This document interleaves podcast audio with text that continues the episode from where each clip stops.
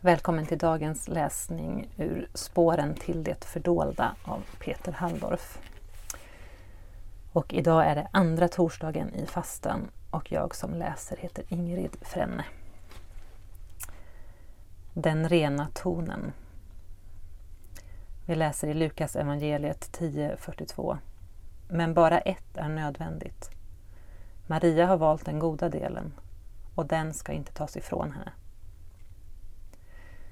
Kompositören Arvo Pärt har skapat en kompositionsteknik som han själv kallar för tintinabuli, det latinska namnet för liten klocka. Han liknar sin musik vid sökandet efter enfald. Att se klart och befria sig från det överflödiga. Så att örat kan uppfånga en enda ren ton. Bättre kan inte fastans mening uttryckas. För att den tonen skulle höras ropade diakonen i urkyrkans gudstjänst inför läsningen av evangeliet. Var uppmärksamma. Det var mer än en maning till att för stunden spetsa öronen. Ropet rymmer det andliga livets mest grundläggande råd. Ett råd som, när det praktiseras, gör oss mottagliga för verkligheten. Distraktionerna, allt det överflödiga, hindrar oss inte bara att se klart. Det intalar oss även att vi måste bli bättre bedjare. Men om vi tror att vi någon gång ska nå fram till upplevelsen av att vara en god bedjare kan vi vara ganska säkra på att denna snart kommer att följas av känslan att vi tagit tre steg bakåt.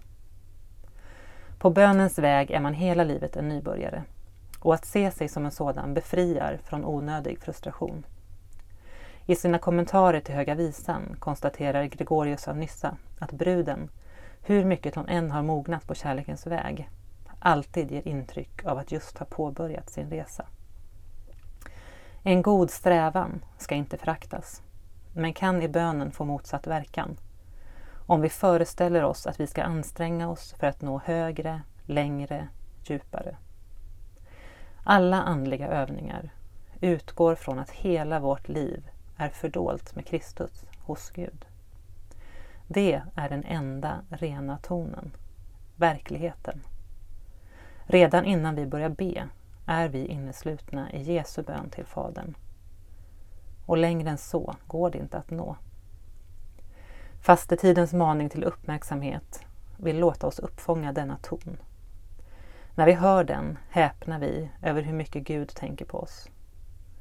Det hjälper oss att likt Maria i Betania tänka lite mindre på allt vi måste göra. Var gärna med mig i en bön. Gode Fader, ge vårt inre öga ljus så att vi kan se dig i alla vi möter idag. Och lär oss att leva med öppna händer. Amen.